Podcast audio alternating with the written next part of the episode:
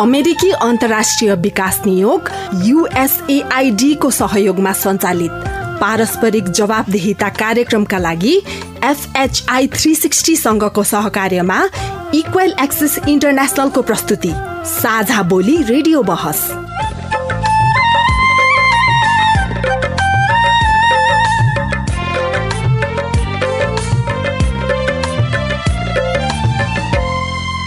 नमस्कार। साझाबोली रेडियो बहसमा तपाईँलाई स्वागत छ। म दुर्गा उपाध्याय। साझाबोली रेडियो बहसमा हामी नागरिक समाज आम सञ्चार माध्यम र सार्वजनिक निकाय बीचको पारस्परिक जवाबदेहिता र आपसी दिगो सम्बन्धका विषयमा बहस गर्छौं।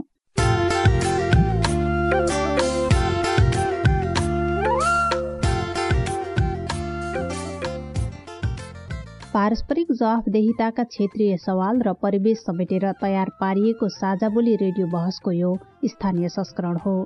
आजको साझाबोली बहस रेडियो शुक्लाफाटा एफएम उनान्सय दशमलव चार मेगा हर्जले उत्पादन गरेको हो। यो कार्यक्रम कैलाली जिल्लाको सुनौलो एफएमबाट पनि सुन्न सकिन्छ। साझाबोली रेडियो बहस तपाईँले पाक्षिक रूपमा यसै समयमा सुन्न सक्नुहुन्छ।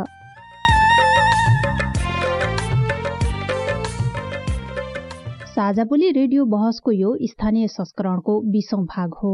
झण्डै पाँच वर्ष अघिदेखि प्रसारण भइरहेको साझाबोली यस वर्ष रेडियो बहसका रूपमा उत्पादन तथा प्रसारण शुरू भएको हो।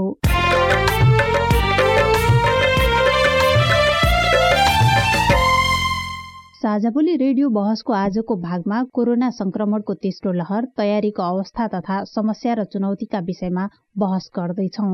नेपालमा साउन अन्तिम सातादेखि मत्थर हुँदै गएको कोरोना संक्रमण दर फेरि तीव्र रूपमा फैलन थालेको छ। केही समय यता संक्रमण घट्दै गएर जनजीवन सामान्यतर्फ उन्मुख भइरहेको थियो।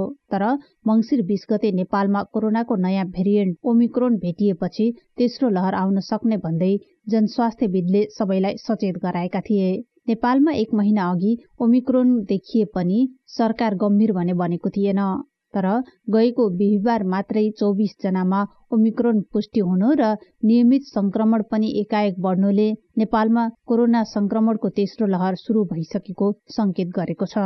पछिल्लो एक हप्तामा छ सय अडसठी जनामा जुन कोरोना पोजिटिभ भएको छ त्यो एउटा दुख लाग्दो कुरा चाहिँ हो। अर्को सरकारको तयारी खासै देखिँदैन। बिहान पाँच बजेदेखिबाट आएको आए हुन्छ नि बोर्डरमा होइन? अब त्यो के गर्ने अब हाम्रो प्रशासनले पनि रोक्न पनि गाह्रो छ किनभने अब घरै आउँछु भन्ने मान्छे त आउन पाउनु पर्यो नि। अहिले त यो स्वास्थ्यको मापदण्डहरू त कोही कोहीले मात्र अप्नाएको छ नत्र विद्यालयहरूमा भयो अन्य नै संस्थाहरूले कार्यक्रम गर्दाखेरि चाहिँ यो स्वास्थ्यका मापदण्डहरू अप्नाएको चाहिँ देखिएको छैन त्यति। हिजो आज कोरोना भाइरस संक्रमण भनेको सामान्य हो। यो केही पनि होइन भन्दै मानिसहरूले सामान्य रूपमा लिन थालेका छन्। आम नागरिकले मास्कको प्रयोग सामाजिक दूरी साबुन पानीले हात धुने तथा सेनिटाइजरको प्रयोग लगायतका कुरा ध्यान नदिँदा संक्रमण बढ्ने खतरा देखिन्छ। कोरोना संक्रमण दिनानुदिन बढ़िरहेको अवस्थामा समेत सरकारले त्यसको रोकथाम तथा नियन्त्रणका लागि सक्रियता बढाउन सकेको छैन। यसले विगतमा चाहिँ राज्य र नागरिकले गैर जिम्मेवारपनालाई दोहोऱ्याइरहेको पुष्टि गर्छ। विज्ञले भनेका कुराहरू हामी भनौँ न आम नागरिक अथवा सरकार अथवा पार्टी अथवा जनता जो पनि त्यति छिटो उसलाई एक्सेप्ट गर्दैनौँ हामी। त्यो हाम्रो ठुलो एउटा चिन्ताको विषयको छ त्यो डरको विषय पनि छ त्यो। किनभने विज्ञले भनेका कुराहरू चाहिँ समयमै हामीले सायद फलो गरिदिएको भए हामी क्षति हुनबाट जोगिन्थ्यौँ जस्तो लाग्छ। शङ्कास्पद संक्रमितलाई राख्न भनेर कैलालीको गौरीफन्टा नाका र महेन्द्रनगरमा गत असारबाट एक हजार जना अट्ने क्षमताको होल्डिङ सेन्टर निर्माण थालिएको थियो। तर साठी दिनमै तयार पारिसक्ने गरी निर्माण सुरु गरिएको होल्डिङ सेन्टर अहिलेसम्म तयार हुन सकेको छैन। उक्त होल्डिङ सेन्टर निर्माण सम्पन्न भए पनि त्यसलाई कसरी सञ्चालन गर्ने भन्ने कार्यविधि नभन्दा प्रयोग गर्न थप चुनौती देखिएको छ। अहिले होल्डिङ सेन्टरमा तिन सय बेड तयारी अवस्थामा राखेको छ। अब यसको सञ्चालन र व्यवस्थापन कसरी कसले कसको जिम्मामा रहेर गर्ने भन्ने निर्देशन आइ नसकेको अवस्थामा पनि हामीले यो सङ्क्रमणले अति जोखिम निम्त्यायो भने त्यो नआउँदै पनि केही समयको लागि हाम्रो जिल्ला स्थित डिसिएमसीको समन्वयमा चाहिँ सञ्चालन गर्नुपर्छ भनेर तयारी चाहिँ गरिरहेछौँ। साझा बोली रेडियो बहस। अमेरिकी अन्तर्राष्ट्रिय विकास नियोग युएसएआईडी मार्फत अमेरिकी जनताहरूको सहयोगका कारण सम्भव भएको हो। यस कार्यक्रमभित्रका विषयवस्तु र सामग्री पारस्परिक जवाबदेहिता कार्यक्रमका एकल जिम्मेवारी हुन्। र यहाँ प्रस्तुत भनाइले युएसएआईडी वा अमेरिकी सरकारको विचार प्रतिबिम्बित गर्छन् भन्ने जरुरी छैन। रेडियो कार्यक्रम साझा बोली बहसमा तपाईँलाई फेरि स्वागत छ। आजको साझा बोली बहसमा हामीसँग हुनुहुन्छ कञ्चनपुरका प्रमुख जिल्लाधिकारी रामप्रसाद पाण्डे तथा गैर सरकारी संस्था महासंघ कञ्चनपुरका अध्यक्ष नरेश सिलाल। यहाँहरू दुवैजनालाई रेडियो कार्यक्रम साझा बोली बहसमा हार्दिक स्वागत छ। धन्यवाद। यहाँले यो समय दिनुभएकोमा। सवाल जवाफमा प्रवेश गर्नु अघि एकैछिन हामी सहभागीको टिप्पणी सुन्छौं त्यसपछि हामी छलफलमा अगाडि बढ्नेछौँ। मेरो नाम हिरा गजुरेल हो ठेगाना धनगढी वार्ड नम्बर तिन। त्यस्तो खास त्यति प्रभाव त परेको छैन अहिले होइन? सीमा नाकामा त समस्या त मान्छे बिहान बिहान इन्डियाबाट यति मान्छे आउँछन् बिहान पाँच बजेदेखिबाट मान्छे आएको आए हुन्छ नि बोर्डरमा होइन? अब त्यो के गर्ने? अब हाम्रो प्रशासनले पनि रोक्न पनि गाह्रो छ किनभने अब घर आउँछु भन्ने मान्छे त आउन पाउनु पर्यो नि। सचेत सचेतेसन सबै अब मास्क प्रयोग गरेर हिँडेकै हुन्छ नि यहाँ मास्क प्रयोग नगरी त आउँदैन होइन? यतापट्टि तपाईँको अब पारिपट्टि चाहिँ एउटा यो राख्नुपर्ने हो क्याम्प राखेर त्यहाँ चाहिँ पुरा चेक गरेर पठाउनु पर्ने हो। बोर्डरमा त्यो चाहिँ गर्न सकेका छैन। अहिले अब त्यो पहिला त एकचोटि सुरुमा पहिला गरेको थियो। अहिले सायद यो उसमा गरेको छैन। त्यो चाहिँ एकचोटि गरिदिएदेखि पुरा चेक गरेर पठाएदेखि राम्रो हुने हो। हामीको त यहाँ खास त्यस्तो प्रभाव परेको भए त त्यही किसिम हुन्थ्यो। मास्क लगाएर मात्रै हिँड्ने गरेर गर्नु चाहिँ यहाँ सबैले होइन? अनि त्यस्तो भिडभाडमा पनि त्यति हिँडेको छैन अब यो रोडमा निक्लेपछि त भिडभाड हुने भइहाल्यो। एउटा पारिपट्टि क्यामेरा राखेर अयब डाक्टर जस्तो भए पनि राखेर होइन? त्यसलाई पुरा पारिबाट आउनेलाई पुरा चेक गरेर अनि मात्रै पठाउने भनेदेखि जोखिमको धेरै राम्रो पनि हुन्छ। अब त्यो चाहिँ गर्न सकेका छैन अहिले। अब नगरपालिकाले गर्ने हो कि अब सरकारले गर्ने हो कि कसले गर्ने एउटा कुनै कुनै निकाय जस्तो गर्नै पर्ने हो। नमस्ते म प्रेम चौधरी। कैलाली जिल्ला गौरीमा नगरपालिका वार्ड नम्बर एघारमा बस्छु। म अहिले हाम्रो सानो गाउँ घरमा चाहिँ यो कोरोनाको अवस्था चाहिँ सामाजिक सञ्जालमा छापछेपी देखिए तापनि गाउँघरमा चाहिँ यो कोरोनाको तेस्रो लहर आइरहेछ मात्र भएको छ तर यसका स्वास्थ्यका मापदण्डहरू केही पनि अप्नाउनु भएको देखिएको छैन अहिले त यो स्वास्थ्यको मापदण्डहरू त कोही कोहीले मात्र अप्नाएको छ नत्र विद्यालयहरूमा भयो अन्य नै संस्थाहरूले कार्यक्रम गर्दाखेरि चाहिँ यो स्वास्थ्यका मापदण्डहरू अप्नाएको चाहिँ देखिएको छैन त्यति। म त घरबाट बाहिर निक्लिँदाखेरि चाहिँ सेनिटाइजर बोक्या हुन्छु र मास्कहरू पनि बोक्या हुन्छु। मास्कहरू लगा मिट लगाइराखेको छु र अन्य साथीहरूलाई पनि यो तेस्रो लहर फैलिँदैछ भनेर नागरिकहरूलाई चाहिँ यो स्वास्थ्यको मापदण्डहरू अप्नाएर हिँड्नु भनेर सल्लाह चाहिँ सुझाव दिनु यो हाम्रो पालिकाले चाहिँ त्यति यो स्वास्थ्यको यो तेस्रो लहर आउने बित्तिकै कुनै पनि सूचनाहरू त्यस्तो निकालिएको छैन। नागरिकलाई सचेत गराउनको लागि त्यस्तो सूचनाहरू पनि अहिलेसम्म निकालिएको छैन। यो यो तेस्रो लहरलाई रोकथाम गर्नको लागि पालिकाले पनि चासो लिनुपर्ने हो। विभिन्न सूचनाहरू प्रचार प्रचार पम्पलेटका कुराहरू यो स्वास्थ्यको मापदण्डहरू अप्नाउनुपर्छ भनेर सूचनाहरू निकाल्नु पर्ने हो तर यो पालिकाले चाहिँ अहिलेसम्म त्यो गरेको चाहिँ छैन। नमस्कार मेरो नाम कैलाश जोशी। म नेपाल पत्रकार महासङ्घ कैलालीको सदस्य छु। धनगढीमा रहेर म पहिलो दोस्रो र अहिले नयाँ तेस्रो लहर ओमिक्रोन तिनटैमा म रिपोर्टिङ गरिरहेको छु। तेस्रो लहरमा आउँदै गर्दाखेरि म हिजो मात्रै गएको थिएँ त्यहाँ। त्यहाँ के छ भने पहिलेभन्दा केही व्यवस्थित छ तर मान्छेहरू चाहिँ सचेत चाहिँ भएका छैनन्। त्यहाँ आएका मान्छेसँग बुझ्दै जाँदाखेरि के छ भनेपछि भारतमा जति सचेत छन् मान्छेहरू मास्क लगाउने कुरा सेनिटाइजर गर्ने कुरा नेपालमा छिर्ने बित्तिकै चाहिँ लापरवाही गर्ने कुरा चाहिँ देखिन्छ भन्ने कुरा भन्छन्। अनि त्यहाँ नगरपालिका प्रदेश सङ्घीय सरकारले तिनैवटै सरकारको समन्वयको पनि अभाव देखिन्छ। पहिलेको भन्दा चाहिँ केही व्यवस्थित चाहिँ छ अहिले। आवागमन चाहिँ दुई तिन दिन यता बढेको देखिन्छ। विशेष गरी माघी पर्वले गर्दा हिजोभन्दा आज आजभन्दा भोलि आउने मान्छेहरूको फलो रेसियो धेरै छ। जस्तो हजुर सीमा क्षेत्रमा बसेर रिपोर्टिङ गर्नुहुन्छ त्यसमा आसपासका नागरिकसँग यसो बुझ्नु भयो होला। उनीहरूसँग कस्तो त्रास देख्नु भएको छ त्रास चाहिँ जति पहिलो लहरको कोरोनामा थियो अहिले त्यस्तो त्रास देखिँदैन। अहिले चाहिँ मान्छे यति नेग्लोसिस छन् कि मास्क सीमामा बस्ने सीमामा वरपर व्यापार गरिरहेका मान्छे पनि मास्कै नलाइदिने अब सेनिटाइजर त कुरै छोड्नु हामी सेनिटाइजर त हातै धुने पनि नधुने त्यो एकदम लापरवाही त लापरवाही नमस्कार म हेमन्ती चौधरी नेपाल पत्रकार महासङ्घ शाखा कञ्चनपुरको महिला उपाध्यक्ष। अहिले तेस्रो लहरको कोरोना एकदमै बढिरहेको अवस्था छ र अब जतिखेर यो लकडाउन हुन्छ त्यतिखेर स्थानीय स्तरका अब सबै पब्लिक जनताहरू भनौँ अब अलि सचेत भए जस्तो हुन्छन्। तर अब जबसम्म लागू हुँदैन यो अब स्थानीय सरकारले जबसम्म चाहिँ नियमहरू लागू गर्दैन तबसम्म जनताहरू पनि अझै एकदम लापरवाही गरेको देखिएको छ अहिले। मास्क लगाउने सेनिटाइजर प्रयोग गर्ने त पटक्कै अहिलेको अवस्थामा छैन। हामी अब समुदाय ग्रामीण क्षेत्रमा मात्रै नहेरौँ। हामी अब भिडभाडको ठाउँमा मात्रै नहेरौँ। अब सरकारी कार्यालयदेखि लिएर विभिन्न सङ्घ संस्थामा पनि अहिले चाहिँ लापरवाही नै गरिएको देखिएको छ। सबभन्दा बढी त नाकाहरूमा चाहिँ एकदमै अहिले त्यस्तो सचेतीकरण चाहिँ देखेको छैन। अब भारतबाट चाहिँ नेपाल फर्किने नेपालीहरू कामदारहरू चाहिँ अब हुलकाहुल फर्किरहेको अवस्था छ। अनि नेपालबाट पनि कामको लागि जानेहरू छँदैछन्। र त्यहाँ पनि त्यति धेरै चाहिँ अब हाम्रो कोरोनाको सवालमा भन्नुपर्दा मास्क पनि प्रयोग खासै गरिएको देखिँदैन। अनि अब यो प्रशासनले पनि खासै कडाइ गरेको छैन। त्यहाँ चाहिँ विशेष सतर्कता अप्नाउनु पर्ने हो तर देखिएको छैन।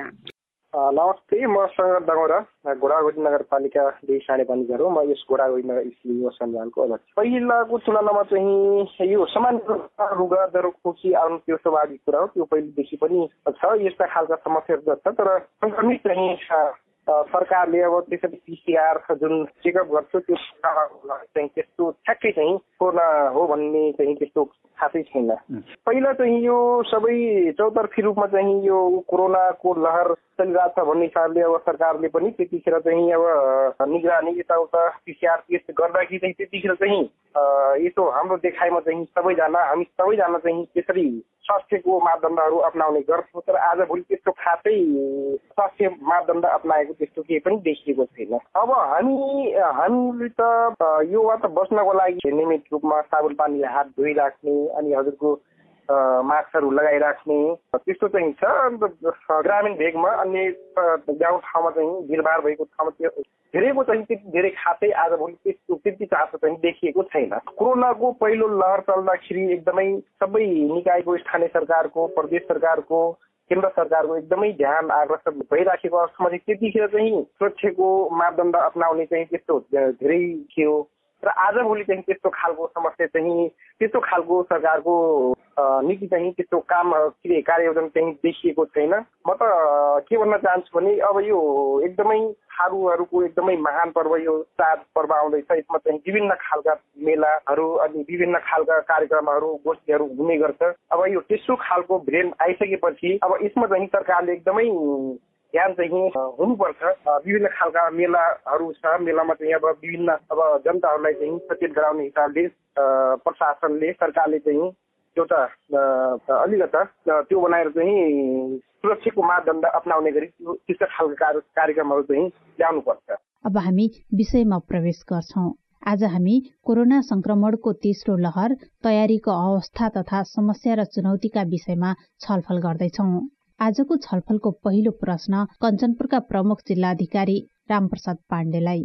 कोरोना संक्रमणको दर फेरि बढ्न थालेको छ। पछिल्लो समय अब नाकाबाट भित्रिने तिस चालिस जनासम्म कोरोना संक्रमण देखिरहेको अवस्थामा कञ्चनपुरमा अहिले पछिल्लो समय कोरोनाको अवस्था कस्तो छ? जोखिम कतिको छ?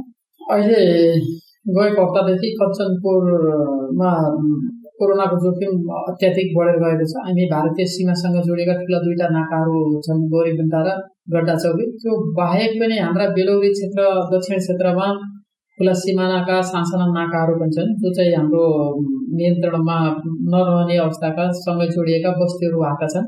यसले पनि हामीलाई बढी जोखिम बनाएकै छ।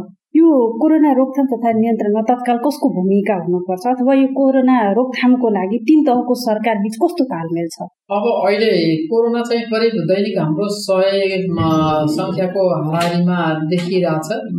यो चाहिँ बढ्दो क्रममै छ। यसको नियन्त्रणको लागि यसको व्यवस्थापनको लागि तिनै तहका सरकारका अङ्गको निकायहरूको चाहिँ महत्त्वपूर्ण योगदान छ। सबैले साझेदारीमा समन्वय गरेर व्यवस्थापन गर्नुपर्ने अवस्था छ। हामीलाई चुनौती ठुलो सङ्ख्यामा सीमाबाट कञ्चनपुर प्रवेश गरिसकेपछि कोरोना पोजिटिभ देखिएकालाई व्यवस्थापन गर्ने हो। अहिलेसम्म हामीले अस्पतालमा रहेको आइसोलेसनमा राख्न भइरहेका छौँ। त्यसो गर्दा धेरै समस्या देखिया छैन।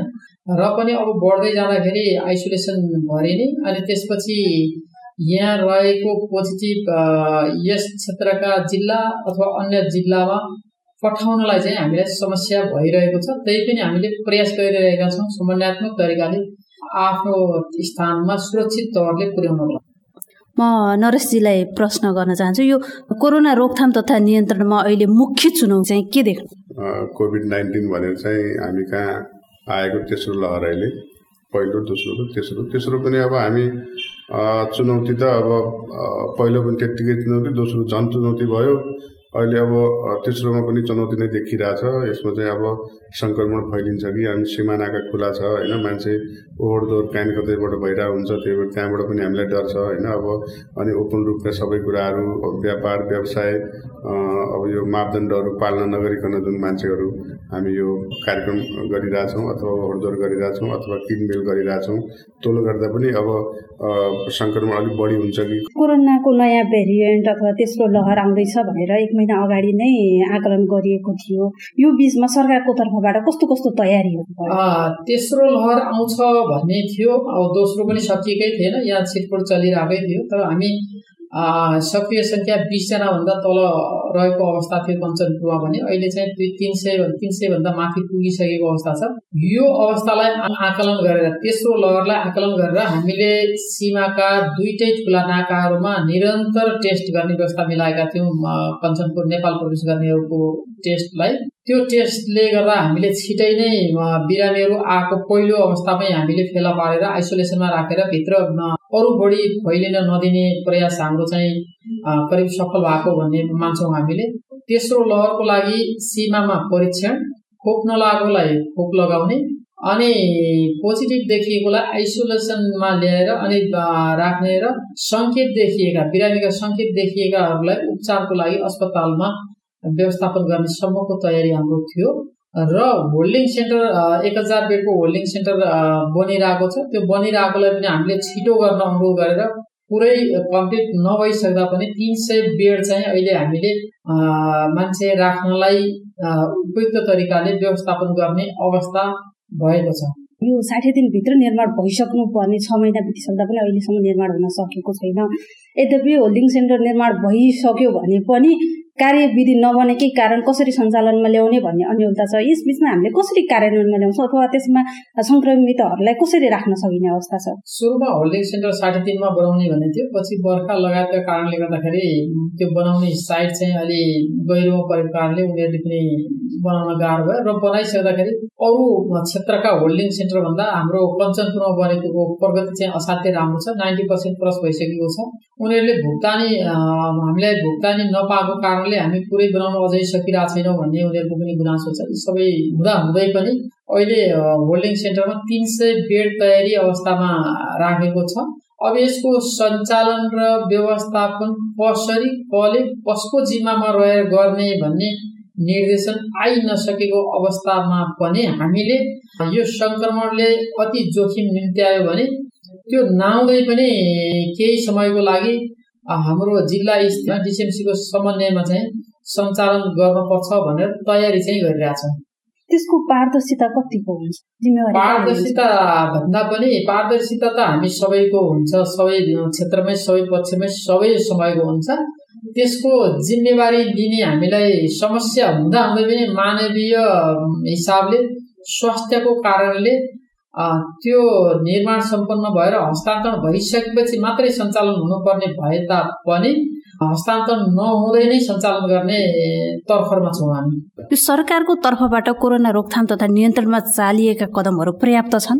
पर्याप्त त अब यो महामारी नै नौलो भयो होइन? अब एकदमै अब यसलाई रोकथाम गर्न पनि गाह्रो भएको महामारी त्यस्तो खालको छ होइन? अब यसलाई चाहिँ जुन अब सरकारले चालेको कदम चाहिँ केही हदसम्म चाहिँ राम्रै छ भनौँ किनभने उसले सीमा क्षेत्र पनि कन्ट्रोल गर्न खोजिरहेछ त्यसमा होल्डिङ सेन्टर बनाएको छ यता पनि अस्पतालको व्यवस्थापन गरिरहेछ होइन? अब त्यसै गरी खोप पनि उसले निरन्तर रूपमा दिने प्रयास गरिरहेछ होइन? सबैजना आज पुर्याउन सकेको छैन। सबै क्षेत्रमा सबै वर्गमा सबै समुदायमा उमेरको उसमा चाहिँ पुर्याउन गाह्रो भइरहेछ। त्यही पनि सरकारको चालेको कदम चाहिँ सराहनीय नै छ।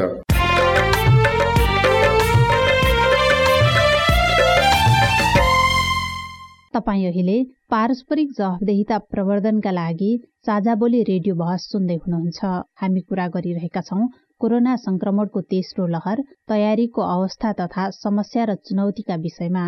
र हामीसँग हुनुहुन्छ कञ्चनपुरका प्रमुख जिल्लाधिकारी रामप्रसाद पाण्डे तथा गैर सरकारी संस्था महासंघ कञ्चनपुरका अध्यक्ष नरेश सिलाल। यतिन्जेल हामीले कोरोना संक्रमणको तेस्रो लहर र तयारीको अवस्थाका बारेमा छलफल गरेका छौं। झण्डै एक महिना अघि नै कोरोनाको तेस्रो लहर आउने आकलन गरिए पनि स्वास्थ्य मापदण्डको पालना नगर्नु र कोरोना संक्रमण रोकथाम तथा नियन्त्रणमा ध्यान नदिनुले राज्य तथा नागरिकले गैर जिम्मेवारपनलाई दोहोऱ्याइरहेको निष्कर्षमा पुगेका छौं। साझाबोली रेडियो बहसमा अझै कोरोना संक्रमण रोकथाम तथा नियन्त्रणमा देखिएका कमी कमजोरी र चुनौतीका विषयमा छलफल गर्नेछौं।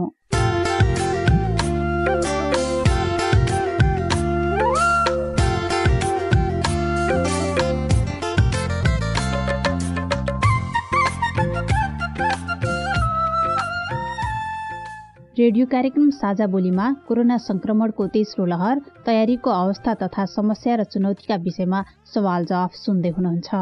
हामीसँग हुनुहुन्छ कञ्चनपुरका प्रमुख जिल्ला अधिकारी रामप्रसाद पाण्डे तथा गैर सरकारी संस्था महासंघ कञ्चनपुरका अध्यक्ष नरेश सिलाल। साझाबोली रेडियो बहसमा अब कोरोना संक्रमण रोकथाम तथा नियन्त्रणका लागि प्रदेश सरकारको तयारीका बारेमा सुदूरपश्चिम प्रदेश सरकारका सामाजिक विकास मन्त्री लालबहादुर खड्काको कुरा सुन्छौ। त्यसपछि हामी कोरोना संक्रमण रोकथाम तथा नियन्त्रणमा भएका कमी कमजोरी र व्यवस्थापनमा देखिएका चुनौतीका विषयमा छलफल गर्नेछौ।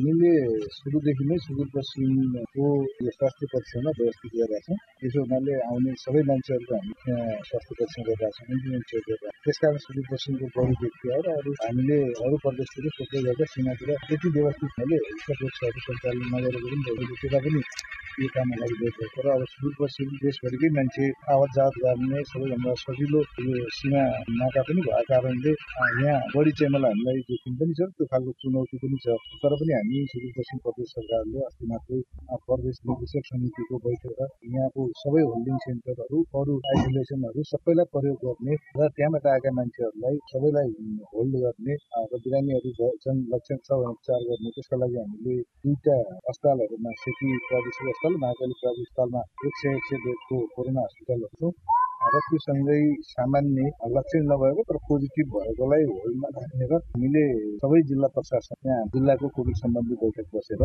स्थानीय तहलाई पनि सँग पनि समन्वय गरेर उहाँहरूकै उपस्थितिमा बैठक बसेर त्यहाँ सबै पालिकाहरूमा पनि पच्चिस बेडको आइसियु बनाउनका लागि अनुरोध गर्न चाहन्छौँ र सँगै स्थानीय तह र त्यहाँको जिल्ला प्रशासनसँग समन्वय गरेर हामी सम्बन्धित जिल्लातिर पठाउने गरी पनि हामी तयारी गर्छौँ र त्यसलाई पठाउनै सक्ने अवस्था छैन त्यसलाई फेरि हामी होल्डै गर्ने गरिकन हामी त्यो खालको पनि तयारी गर्दैछौँ। त्यसकारण अब अहिले कञ्चनपुरमा बन्दै गरेको होल्डिङ सेन्टरमा तिन सय बेड छ कैलालीमा बन्दै गरेको होल्डिङ सेन्टरमा डेढ सय बेड छ कैलालीमा हामीले त्यहाँको आयुर्वेद प्रदेश आयुर्वेद अस्पतालको जुन भवन बन्दैछ त्यहाँ पनि के थप बेडहरू राखेका छौँ र बिहानै हामीले आज गेटामा पनि एक सय बेड त्यहाँ छ। त्यसलाई पनि त्यहाँको अहिलेको हस्पिटलको भोलिको जुन जनरल वार्ड हो त्यसमा राखेर त्यहाँ पनि केही मान्छेहरू राख्ने गरिकन तयारीमा छौँ। त्यस हुनाले जोखिम स्वाभाविक रूपमा सुदूरपश्चिममा परेको छ अहिले। यहाँबाट भारतको उत्तराखण्डतिर दिल्ली लगायतको ठाउँमा जान नजिक पर्ने हुनाले पनि मान्छे यहीँबाट बढी अहिले यो माघी चाडका कारणले पनि मान्छेहरू धेरै घर आउँदैछन्। आउनेको सङ्ख्या बढ्दो छ र त्यस कारण पनि जोखिम छ। त्यसलाई कसरी व्यवस्थापन गर्ने कुरामा हामीले सङ्घीय सरकारसँग पनि अनुरोध गरिसकेका मेरो नाम शिवराज भट्ट हो म अन्नपूर्ण पोस्ट र एपी वान टेलिभिजनका लागि सुदूरपश्चिम ब्युरो प्रमुखका रूपमा काम गर्छु। र खास गरी जुन नेपालमा अहिले पछिल्लो केही हप्ता यता ओमिक्रोन भेरिएन्ट आउन सक्छ भन्ने खालको एउटा प्रक्षेपण पनि भएको छ र त्यसका लागि मुख्यतया दुई तिनवटा कुराहरू आवश्यक पर्छ। पहिलो कुरा परीक्षण नै हो त्यसपछि क्वारेन्टाइन र अनि आइसोलेसन। अनि बल्ल गएर तेस्रो चरणमा चाहिँ उपचारको कुरा गर्नुपर्छ सरकारले। तर जसरी हामी हाम्रो यो दुइटै सिमानाका जहाँबाट बढी जसो नेपालीहरू भारतबाट नेपाल प्रवेश गर्छन् खास गरी कञ्चनपुरको यता गढीफुन्टा र उता गड्डा चौकी दुईटा जुन नाकामा भारतबाट नेपाल फर्किनेहरूको संख्या बढिरहेको छ र पछिल्लो एक हप्तामा छ सय अडसठी जनामा जुन कोरोना पोजिटिभ भएको छ त्यो एउटा दुःख लाग्दो कुरा चाहिँ हो। अर्को सरकारको तयारी खासै देखिँदैन। अहिले केही भएकै छैन त भन्न मिल्दैन। यद्यपि खोप लगाउने कुरा परीक्षण गर्ने कुरामा प्रदेश सरकारले सीमा क्षेत्रमा केही कडाइ गरेको छ। तर त्यसका बावजुद पनि यदि दोस्रो भेरिएन्टको जस्तै गरी एकदम ठुलो संख्यामा संक्रमितहरू आए भने त्यसलाई व्यवस्थापन कहाँ गर्ने भन्ने मुख्य चुनौती प्रदेश र स्थानीय सरकार अथवा नेपाल सरकारसँग रहन्छ एक एक हजारजनाका दुईवटा होल्डिङ सेन्टर जुन दुई हजार अठहत्तर सालको भदौ मसान्तभित्रै बनाएर सरकारलाई हस्तान्तरण गर्नुपर्ने भनेर नेपाली सेनालाई जिम्मा दिइएको थियो ती अहिलेसम्म बनेका छैनन्। तिनीहरूको म्याद पुष मसान्तसम्म भनेर पहिलो पटकलाई बढाइएको छ। एक दुई दिनको यसो ती होल्डिङ सेन्टरहरूको निरीक्षण एक दुई दिन अगाडिको हेर्दाखेरि ती चैतसम्म पनि सकेला जस्तो लाग्दैन। तिनीहरूको काम हेर्दाखेरि त्यो अवस्था छ। त्यो कारणले सरकारले अब यो महामारी आइहाल्छ र अनि त्यसपछि तयारी गरौँला भन्ने जुन पछिल्ला दुईटा भेरिएन्टमा पनि त्यो गरायो त्यही आधारको त्यो तेस्रो भेरिएन्टमा पनि गर्यो भनेपछि हामीलाई एकदमै अप्ठ्यारो पर्न सक्छ। त्यसका लागि सरकारले सीमा क्षेत्रमै पढाइ गर्नुपर्छ र भारतबाट फर्केका सबैलाई परीक्षणको दायरामा ल्याउनुपर्छ र जुन यो अहिले होल्डिङ सेन्टर खास गरी आइसोलेसन र क्वारेन्टाइन दुईवटा महत्त्वपूर्ण कुरा हो उपचारभन्दा पनि अगाडि अरूलाई ट्रान्समिसन नहोस् भन्नका लागि। यो दुईवटा कुराको चाहिँ जसरी पुष्म शान्तभित्र सेनाले म सेनाले दिएको ठेकदारले म बुझाउँछु भन्नुभएको छ त्यसलाई ताकेता गरेर यो कुरा चाहिँ गर्नुपर्छ जस्तो लाग्छ। जस्तो अहिले दिनानुदिन सङ्क्रमितको सङ्ख्या बढ्दै गएको छ। भारतमा उच्च जोखिम देखिएसँगै नेपाल प्रवेश गर्नेहरू सँगसँगै माघी पर्वले गर्दाखेरि पनि त्यो चाप बढ्दो छ यो अवस्थामा सीमा नाका खुला राखेर अहिलेको अवस्थामा कोरोना सङ्क्रमण रोकथाम तथा नियन्त्रण गर्न सम्भव छ? अब सम्भवै छैन भन्ने त छैन होइन? अब पहिले हाम्रो पहिलो लहरको बेलामा जस्तो हुल बाँधेरै अथवा हजारौँ सङ्ख्यामा चाहिँ दसौँ हजार सङ्ख्यामा आएको अवस्था नभएर अहिले करिब एक हजार पन्ध्र सयसम्मको सङ्ख्यामा आइरहनु भएको छ दुईवटा नाकाबाट त्यसलाई हामीले अहिलेसम्म व्यवस्थापन गरेका छौँ सीमा नाका बन्द गर्ने या नगर्ने सङ्घीय सरकारले हुँदा निर्णय गर्ने हुँदाखेरि त्यो निर्णय आएमा हामी स्वतः बन्द गरिरहेका छौँ निर्णय नहुँदै हामीले त्यहाँबाट आउने कोरोना पोजिटिभलाई व्यवस्थापन गर्ने जिम्मा चाहिँ हाम्रो भएको हुनाले हामी त्यसमा सङ्घीय सरकार प्रदेश र स्थानीय तहको समन्वयमा चाहिँ सम्पन्न गर्छौँ। यो विगतमा सङ्क्रमितहरूको उपचारको लागि अस्पताल दक्ष जनशक्ति त्यसै गरेर अक्सिजन लगायतका सामग्रीहरूको अभावले गर्दाखेरि हामीले कञ्चनपुरमा मात्रै दुई सय पाँचजनालाई गुमाउनु परेको अवस्था छ। अहिले चाहिँ यो सङ्क्रमितको उपचारको लागि त्यो आवश्यक भौतिक पूर्वाधारहरूको व्यवस्थापन कस्तो छ? पर्याप्त छन्? अब सबै पर्याप्त छ भनिहाल्न त मैले अहिले नमिल्ला किनभने बिरामीको चाप कति बढेर आउँछ भन्ने आकलन गर्ने हो। तर विगतको भन्दा यसपटक चाहिँ धेरै सुधार भएको छ। हामीले अक्सिजन प्लान्ट चाहिँ नयाँ थप गरेको छ दुईवटा थप गरेको छ। त्यसले चाहिँ सायद भ्याउँछ। अब अरू हाम्रो महाकाली प्रादेशिक अस्पताल मात्रै नभएर बेलौरतिरको अस्पतालमा नजिकका अस्पतालमा प्राइभेट अस्पतालहरूमा पनि अक्सिजनको सिग्नलहरू तयार गर्ने अक्सिजन प्लान्टहरू राख्ने गरेको हुनाले यसपटक सहज हुनुपर्छ भन्ने हाम्रो अनुमान छ। र अर्को आइसोलेसनको लागि अथवा बिरामी उपचारको लागि बेडहरू थपिएका छौँ थपिएका छन्।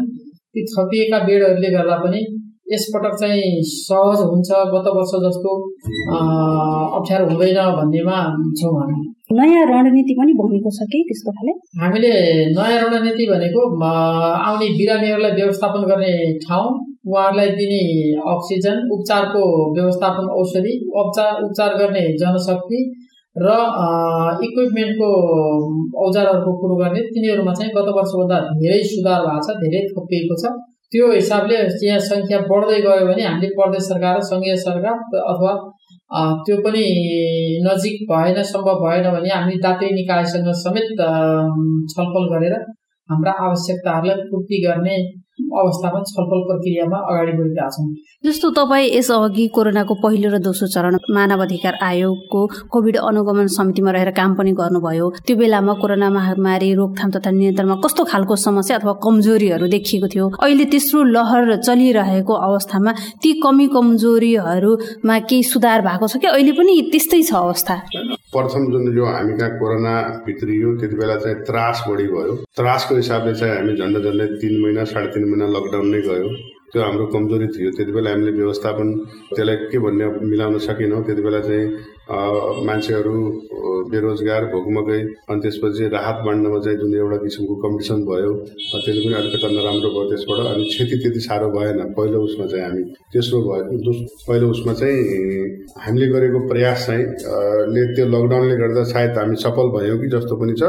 दोस्रो कुरा चाहिँ त्यति लामो बन्दले चाहिँ कता कता कसलाई कसरी असर पर्यो भन्ने पनि हामीले अध्ययनको पाटोमा होला त्यो सुधार गर्नुपर्ने देखिन्छ होला होइन? त्यति बेला त्यस्तो भयो। दोस्रोमा चाहिँ हामी कस्तो भयो भने अलिकता चुक्यौँ हाम्रो मानव क्षति बढी भयो त्यति बेला हामीसित अक्सिजनको अभाव भयो होइन? अब औषधि पुर्याउन सकिएनौँ क्वारेन्टाइनको व्यवस्थापन गाह्रो भयो आइसोलेसन अवस्था गाह्रो भयो अनि त्यो त्यसपछि क्वारेन्टाइनका कुराहरू भए त्यो दोस्रोमा चाहिँ हामी अलिकति थला पऱ्यो। हामीलाई क्षति पनि भयो थुप्रो होइन? त्यसबाट पाठ सिकेर अहिले तेस्रोमा चाहिँ हामी सजग छौँ कि जस्तो मलाई लाग्छ किनभने अरू पूर्वाधार पनि हामीले तयार पारिसकेका छौँ अनि दक्ष जनशक्ति पनि हामीले हामीसित छ कि जस्तो त्यो तयारी अवस्थामा छ जस्तो छ होइन? अनि त्यसमा पनि अब अर्को एउटा राम्रो कुरो के छ भन्नुहुन्छ भने केही हदसम्म हामीले चाहिँ खोपको प्रबन्ध लगाइसकेका छौँ। त्यति अलिकता खोप लगाएको मान्छे अनि यो चाहिँ विश्व स्वास्थ्य सङ्गठनले अपनाएको जुन एउटा त्यो मापदण्डहरू छ त्यसलाई पालना गर्ने मान्छे अलिकति सङ्क्रमण कम हुन्छ कि सङ्क्रमण भए तापनि उसले चाहिँ ज्यानको जोखिम हुँदैन कि भन्ने पनि लाग्छ अहिले तेस्रो उसमा चाहिँ। तेस्रोमा समस्याहरू चाहिँ कस्तो देखिरहेको छ? विज्ञहरूले एक महिना अगाडि नै यो तेस्रो लहर आउँदैछ है भनेर आकलन गरिसकेको थियो। तर त्यो अनुसारको तयारी त देखिँदैन नि फिल्डमा। यहाँले कमजोरी चाहिँ कहाँनिर देख्नुहुन्छ अहिले? अब कमजोरी कहाँ छ भन्नुहुन्छ भने अब यो विज्ञले भनेका कुराहरू हामी भनौँ न आम नागरिक अथवा सरकार अथवा पार्टी अथवा जनता जो पनि त्यति छिटो उसलाई एक्सेप्ट गर्दैनौँ हामी। त्यो हाम्रो ठुलो एउटा चिन्ताको विषयको छ त्यो डरको विषय पनि छ त्यो। किनभने विज्ञले भनेका कुराहरू चाहिँ समयमै हामीले सायद फलो गरिदिएको भए हामी क्षति हुनबाट जोगिन्थ्यौँ जस्तो लाग्छ हामी। हामी यही बिचमा उसले एक महिना अगावै हामीलाई सजग गराइसकेको अवस्थामा हामी सजग हुन सकेनौँ व्यवस्थित गर्न सकेनौँ कोरोना त्यो मापदण्डहरू पालना गर्न सकेनौँ। त्यसले गर्दा भोलि अप्ठ्यारो हुन्छ कि भन्ने जस्तो छ। किनभने हामीले यही बिचमा हामी सबै पार्टीका महाधिवेशनहरू हामीले सघाउनु पर्ने। उसले किनभने त्यो भन्दा भन्दै विज्ञहरूले भन्दा भन्दै एक महिना अगावै भन्दा भन्दै पनि हामी सबै दल सबै पार्टी सबै सरकार त्यसमा संलग्न भएर चाहिँ हामी के गर्यौँ भने महाधिवेशन गर्ने गऱ्यौँ ठुल्ठुलो प्रोग्रामहरू गर्दै गऱ्यौँ अनि सीमा त्यो हामीले त्यो लथालिङ्ग पार्यौँ त्यो व्यवस्थित गरेनौँ। जसले पनि आउने जसरी पनि आउने त्यो भएको हुनाले सायद हामी अब अलिकति जोखिममा छौँ कि जस्तो मलाई लाग्छ। सर्वसाधारणले कोरोना महामारी रोकथाम तथा नियन्त्रणमा कतिको ध्यान दिएको पाउनु भएको छ यहाँ। ध्यान छ किनभने सर्वसाधारणले त एकदमै उसले आफ्नो मान्छे गुमाएको छ आफ्नो रोजगारी गुमाएको छ आफ्नो सबै कुरा गुमाएको भएर सर्वसाधारण सचेत छ। उसले चाहिँ भनेको बेलामा सबै कुरो पालना गर्छ। उसले मास्क लगाएर हुन्छ हात धोइरहेको हुन्छ उसले चाहिँ यो जुन मापदण्डहरू पालना गरिरहेको हुन्छ। नागरिकहरू सचेत छ। त्यसलाई अझ त्यसलाई सजग बनाउनका लागि चाहिँ सरकारको पहल चाहिँ घर दैलोमा गएर यी प्रोग्रामहरू जनजागरणहरू चलाउनु पर्ने देखिन्छ। यो कस्तो विडम्बना छ हाम्रो देशमा। हामी चाहिँ विज्ञको भन्या नमान्ने होइन? उसको भन्या कुरालाई अलिकता टेर्दै नटेर्ने विज्ञहरूलाई भनौँ न एउटा साइन्सलाई त्यति साह्रो हामी सिरियसली लिँदै लिँदैनौँ कि? त्यो लिएको भए सायद हामी क्षति पनि हुन्थेन होला। आज पनि त्यही अवस्था छ। उसले चाहिँ पच्चिसजनाभन्दा बढी भेला नहुनुहोस् भन्दैछ। त्यही हुँदा हुँदै पनि हामी त त्यसको के अवहेलना गरेका छौँ। त्यो नियम चाहिँ मान्न तयार छैनौँ हामी। पच्चिसजना पचासजना पनि हामी त्योभन्दा पनि बढी भेला भएर काम गर्न खोजिरहेछौँ गर्दैछौँ होइन?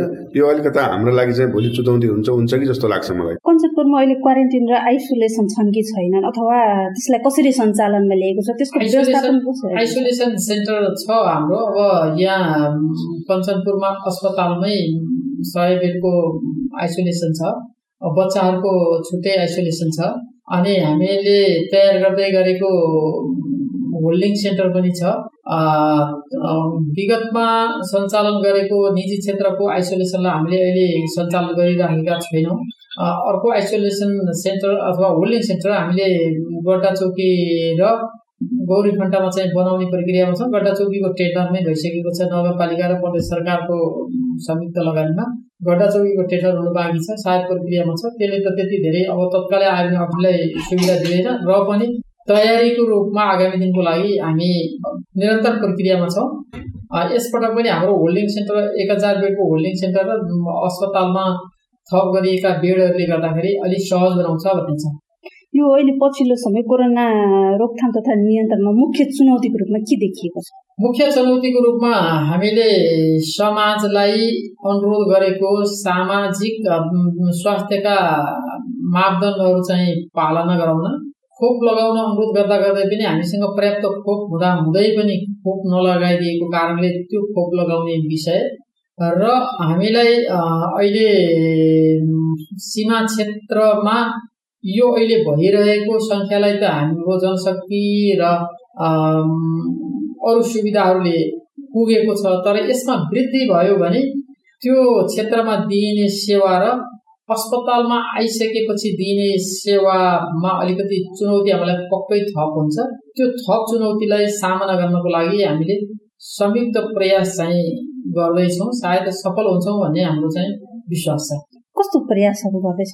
प्रयासहरू समन्वयात्मक बैठकहरू राख्ने यी यी सम्भावित जोखिमहरू हुन् यी चुनौतीहरू हुन् यी चुनौतीलाई को को मिलेर समाधान गर्ने यसमा रकम कति लाग्छ कसले बेहोर्ने अनि स्रोतहरू कति समयमा उपलब्ध हुन्छन् त्यसमा चाहिँ आर्थिक हुनसक्छ जनशक्तिका कुराहरू हुन्छ भौतिक साधनका कुराहरू हुन्छ तिनीहरूको आकलन गरेर तयारी गर्ने। साझा बोली रेडियो बहस अमेरिकी अन्तर्राष्ट्रिय विकास नियोग युएसएआईडी मार्फत अमेरिकी जनताहरूको सहयोगका कारण सम्भव भएको हो। यस कार्यक्रमभित्रका विषयवस्तु र सामग्री पारस्परिक जवाबदेहिता कार्यक्रमका एकल जिम्मेवारी हुन्। र यहाँ प्रस्तुत भनाइले युएसएआईडी वा अमेरिकी सरकारको विचार प्रतिबिम्बित गर्छन् भन्ने जरुरी छैन। साझा बोली रेडियो बहसमा अहिले हामी कुरा गरिरहेका छौँ कोरोना संक्रमणको तेस्रो लहर तयारीको अवस्था तथा समस्या र चुनौतीका विषयमा। यतिन्जेल हामीले कोरोना संक्रमणको तेस्रो लहर तयारीको अवस्था व्यवस्थापनमा देखिएका कमी कमजोरी र चुनौतीका विषयमा छलफल गर्यौं। अब हामी कोरोना महामारी रोकथाम तथा नियन्त्रण र जनस्वास्थ्यका मापदण्ड पालना गर्ने विषयमा नागरिक समाज र आम सञ्चार माध्यमले खेल्ने भूमिकाको विषयमा छलफल गर्नेछौँ।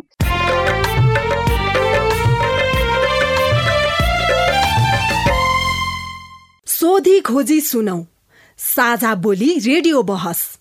जनस्वास्थ्य मापदण्ड पुरा गर्न र गराउन कसको भूमिका महत्त्व हुन्छ? यसमा चाहिँ आम सञ्चार माध्यम र नागरिक समाजहरूले कसरी भूमिका खेल्न सक्छ?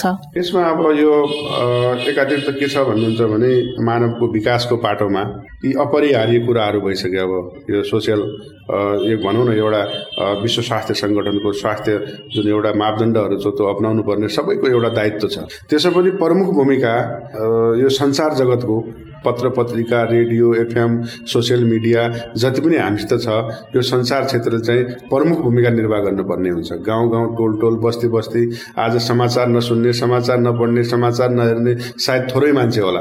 त्यो त्यो ठाउँमा हामीले चाहिँ अभियान सञ्चालन गऱ्यौँ र त्यसै सँगसँगै नागरिक समाजको पनि अहिले अहिले हरेक वडा हरेक बस्ती हरेक टोल हरेक गाउँपालिका पालिका त्यसपछि गएर हजुरको यो वडा लेभलमा पनि हामी चाहिँ प्रत्येक उसमा छौँ। हामी सबैको दायित्व एकदमै महत्त्वपूर्ण रहन्छ। हामीले त्यो दायित्व चाहिँ पुरा गर्नुपर्ने हुन्छ त्यो अभियान चलाउनु पर्ने देखिन्छ यहाँ। मिडिया अनि त्यसपछि नागरिक समाज अनि त्यसपछि गएर नेपाल बार एसोसिएसन त्यसपछि गएर मानव अधिकार आयोग लगायतको जुन एउटा छ यो यो सबै टिमले चाहिँ एकपटक फेरि जसरी हामीले सुरुमा एउटा अनुगमन बनाएको थियौँ त्यो देशभरि नै एक किसिमको हामीले अभियान सुरु गरेका थियौँ। त्यही किसिमको अब पनि सञ्चालन गर्नुपर्छ जस्तो मलाई लाग्छ अन्त्यमा जनस्वास्थ्यका मापदण्डहरू पालना गराउनको लागि चाहिँ आम सञ्चार माध्यम र नागरिक समाजको कस्तो भूमिका हुन्छ र त्यसको पालना गराउने मुख्य दायित्व चाहिँ कस्तो? अब यो हामीले जनचेतनाका कार्यक्रमहरू सञ्चालन निरन्तर गरिरहेछौँ र सञ्चार माध्यमहरूले पनि निरन्तर गरिरहनु भएको अहिले पनि कोरोनाको सङ्कट टरेको छैन र हामीमाथि आक्रमण निरन्तर भइरहेछ। त्यसबाट छुटकारा पाउनको लागि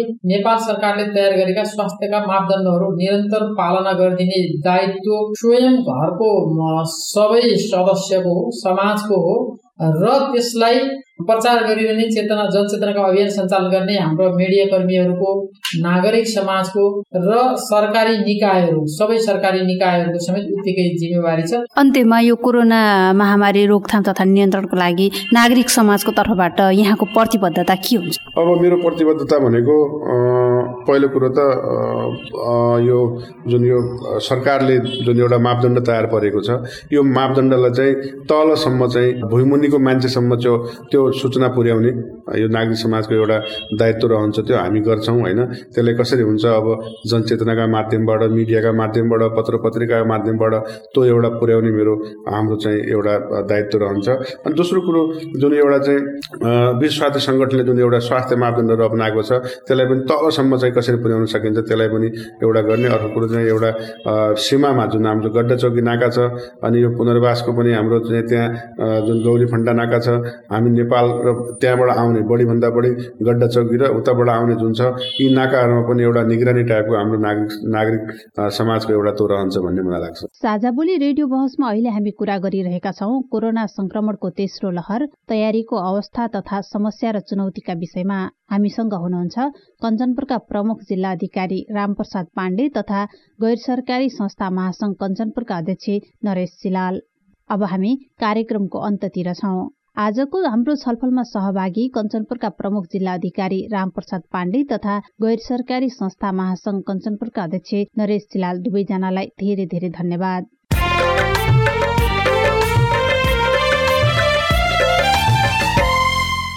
हामी साझाबोली रेडियो बहसको अन्त्यमा आइपुगेका छौं।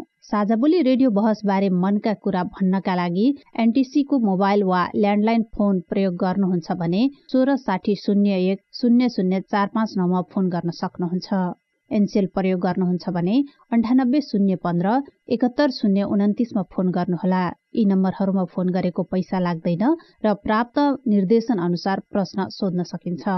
पारस्परिक जवाबदेहिताबारे आफूले देखे सुने या भोगेका कुनै कुरा लेख मार्फत व्यक्त गर्न चाहनुहुन्छ वा अरूका लेखहरू पढ्न चाहनुहुन्छ भने डब्लु डट एमईआरओआरईपीओआरटी डट एनईटीमा पनि लगइन गर्न सक्नुहुन्छ।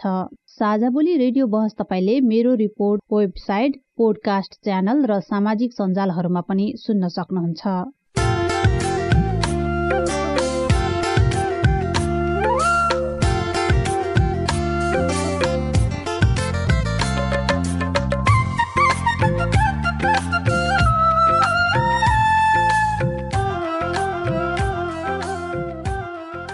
हवस् त। आजको साझा बोली रेडियो बसबाट अब विदा हुने बेला भयो। आज हामीले कोरोना संक्रमणको तेस्रो लहर तयारीको अवस्था तथा समस्या र चुनौतीका विषयमा कुराकानी गर्यौं।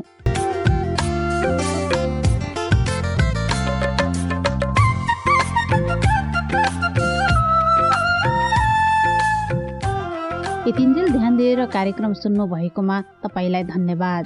आगामी श्रृङ्खलामा पनि आजको जस्तै समयमा सार्वजनिक जवाफदेहिताको अर्को विषयमा छलफल लिएर आउनेछौ। सुन्न नबिर्सनुहोला आजको कार्यक्रमबाट म दुर्गा उपाध्याय विदा भएँ। नमस्कार।